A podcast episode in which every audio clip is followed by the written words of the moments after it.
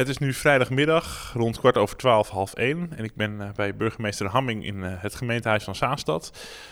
Uh, burgemeester, de, het aantal besmettingen in Zaanstad, is er daar een nieuwe update op dit moment over as we speak? Of is dat nog steeds rond het getal dat we al eerder hoorden?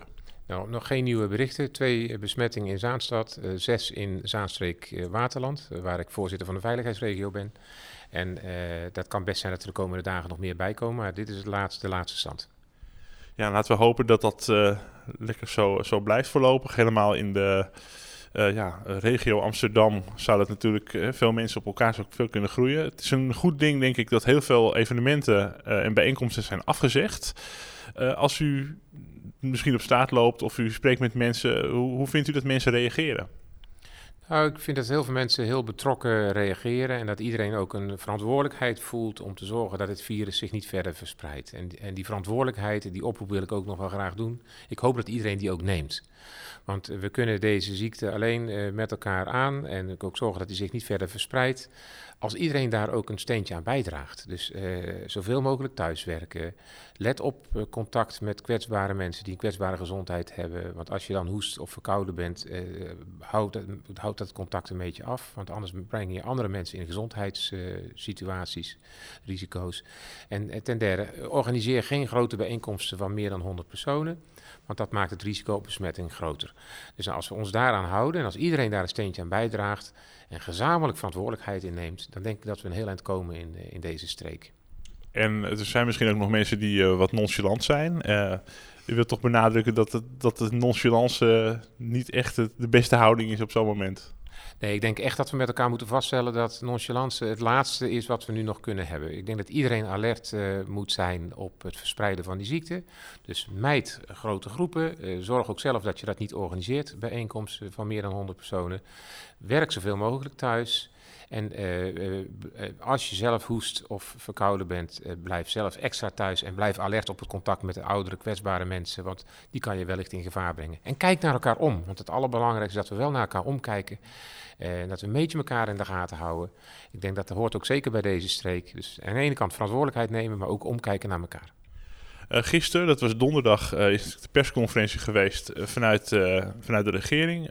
Minister-president Mark Rutte en met, in samenwerking met de ministers en het RIVM hebben een statement naar buiten gebracht.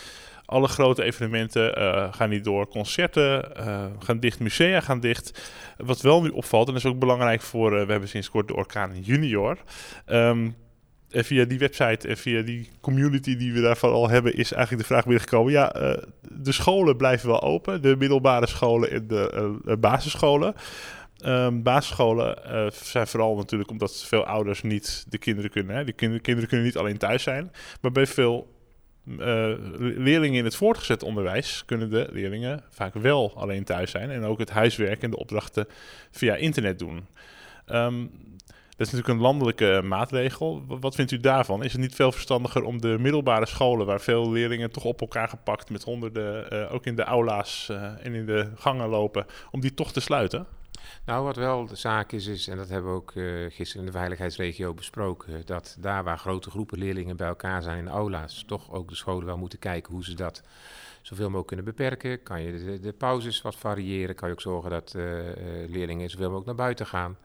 Uh, want uh, in, binnen in een ruimte meer dan 100 mensen, dat is dus uh, waar nu een verbod op is gelegd en wordt gelegd. En dat betekent ook in scholen en aula's, let op dat, dat je niet met heel veel mensen bij elkaar zit. En dat is inderdaad een risico. En dat hoeft niet te betekenen dat scholen worden gesloten. Dat is op dit moment ook niet aan de orde. En, en, die lijn die steunen wij natuurlijk in de regio ook. Hoe is het voor u, u persoonlijk om burgemeester te zijn van grote gemeenten in deze tijd? We weten niet wat er allemaal nog op ons, op ons afkomt. Hoe is dat voor u persoonlijk? Nou, het is natuurlijk heel heftig. Het is heel heftig omdat er veel op ons afkomt, veel op de gemeenschap afkomt en dat het veel met mensen doet. Aan de andere kant moeten we ook niet panikeren. We moeten ook vooral juist in deze tijd ook rustig blijven, goed blijven bekijken wat er gebeurt. En ook de juiste maatregelen nemen. En daar, ja, daar is ook een burgemeester voor aangenomen. Om te zorgen dat hij dat doet. En ja, ik wil ook vooral iedereen oproepen van draag allemaal je steentje bij dan kunnen we dit, deze crisis ook echt aan. Uh, neem allemaal je verantwoordelijkheid en kijk ook naar elkaar om, want uh, dat is ook echt nodig. Nou is dit interview net een beetje anders dan, uh, dan uh, anders. Uh, op dit moment krijg ik ook berichten via de WhatsApp. Er wordt ook rondgebeld door de redactie van de Orkaan. ze hebben een belronde langs wat scholen gedaan. En het lijkt erop dat er veel verzuim is, ook bij de leerkrachten. krijgt u ook die signalen of is het allemaal heel erg last minute wat ik nu vertel? Nee, maar we gaan daar zeker de vinger aan de pols houden. En het is ook goed om dat soort signalen op te halen en ook te krijgen. Ehm, en dan kunnen we ook weer kijken wat we daarmee moeten doen. we hebben natuurlijk ook volgende week weer een gesprek met het Rijk en ook met de minister. En dan kunnen we ook die signalen die we krijgen vanuit de gemeenschap doorgeven aan, aan het kabinet, zodat ze daar ook weer maatregelen op kunnen nemen. Dus uh, ik denk zeker dat dit de laatste maatregelen zijn geweest die worden genomen. En het is heel erg belangrijk om te zien hoe de samenleving nu reageert om te zorgen dat we dat, uh, de verspreiding van het virus echt kunnen stoppen. En ook signalen rondom scholen zijn denk ik belangrijk om weer mee door te geven aan het Rijk. Uh, er zou ook sprake zijn dat er eventueel um, tegemoetkoming uh, zou komen voor kleine ondernemers of horeca-ondernemers bijvoorbeeld. Uh, en andere ondernemers die de dupe worden van deze, um, ja, deze pandemie eigenlijk. Hè? Um, heeft u daar een mening over of heeft u daar al een idee over of, te, of ondernemers tegemoet gekomen gaat worden in de toekomst? Of is het allemaal nog erg vroeg dag? Nou, het kabinet heeft gisteren bekendgemaakt dat ze daar uh, dat ze met een tegemoetkoming komen. Hoe dat eruit gaat zien en hoe die uitwerking is, daar weet ik, uh, heb wij geen zicht op. Ik denk wel dat het heel goed is dat het kabinet kijkt juist naar kwetsbare ondernemers die zeer lijden onder, uh, onder deze pandemie. Want voor sommige ondernemers kan het enorme effecten hebben. En uh, nou, de ZZP'ers zijn genoemd, maar ook uh, inderdaad de horeca en anderen. En ik denk dat het heel belangrijk is dat we daar ook de vinger aan de pols houden. En dat we ook signalen die wij krijgen van ondernemers ook weer doorgeven aan het Rijk. Van hé, hey, maak dan wel een regeling die effectief is en die niet een enorme bureaucratie met zich oplevert. Want dan daar zijn de ondernemers daar niet mee geholpen.